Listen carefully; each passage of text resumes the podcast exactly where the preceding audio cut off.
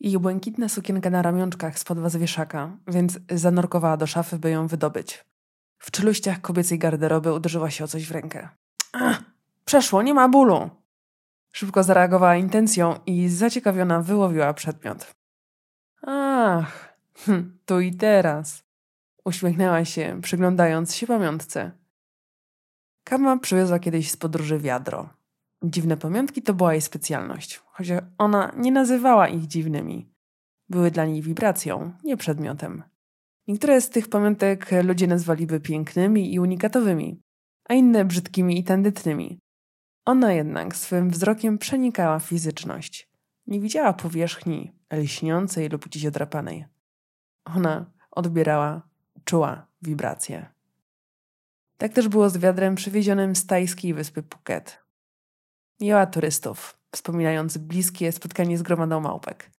Kontakt ze sprytnymi zwierzętami, promienie hojnego słońca i intensywne spojrzenia mężczyzn, które na siebie miłochodem ściągała, podniosły jej wibracje. Była rozbawiona i swobodna. Wtedy jej uwagę przyciągnęło wiadro. Coś błysnęło i od razu wiedziała, że jest jej. Nie zastanawiała się po co, po prostu je kupiła. Jeszcze tego popołudnia udała się w część plaży, której słyszeli tylko tubylcy. Czuła, że potrzebuje obecności natury. Na dno wiadra wsypała złocisty, mieniący się piasek. Wlała morskiej wody i potrząsnęła. Intensywny wir niebieskiej wody, wymieszanej z piaskiem, radośnie zaiskrzył w słońcu. Mogła ten efekt podziwiać w pełnej krasie, bo wiadro było przezroczyste. Co prawda widziała po prostu zmętnioną wodę, ale odbijające się refleksy promieni słonecznych czyniły, całość wyjątkową. Wir powoli zmniejszał swoją intensywność. Drobinki piasku swobodnie krążyły, aż spokojnie w całości opadły na dno.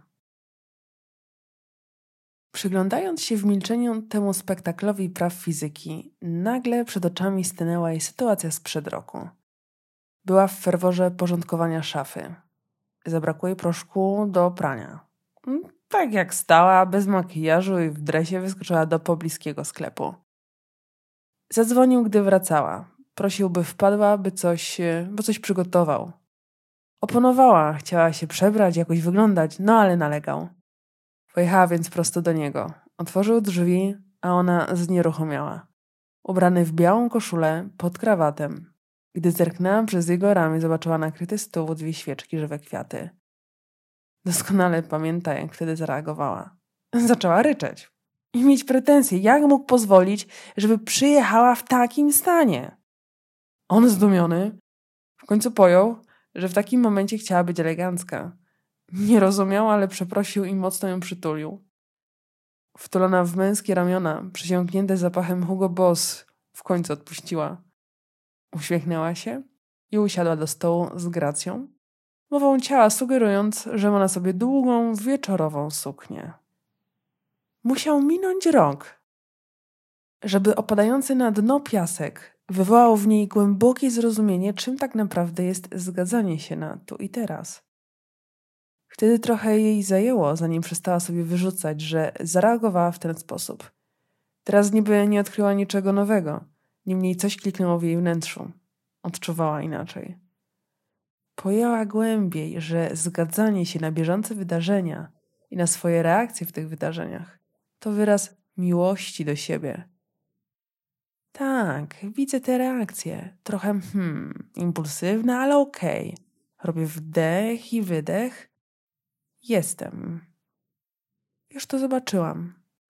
Więcej nie będę reagować w ten sam sposób, no chyba, że zechcę. Pojęła, że im więcej zobaczy i zaakceptuje, tym większy dystans złapie. Zupełnie jakby kolejne ziarno piasku opadło na dno i woda stała się bardziej przejrzysta. A przejrzysta woda to swoboda i luz. Zaproszenie do poruszania się w każdym kierunku. Jestem na tak dla każdej wersji siebie, szepnęła.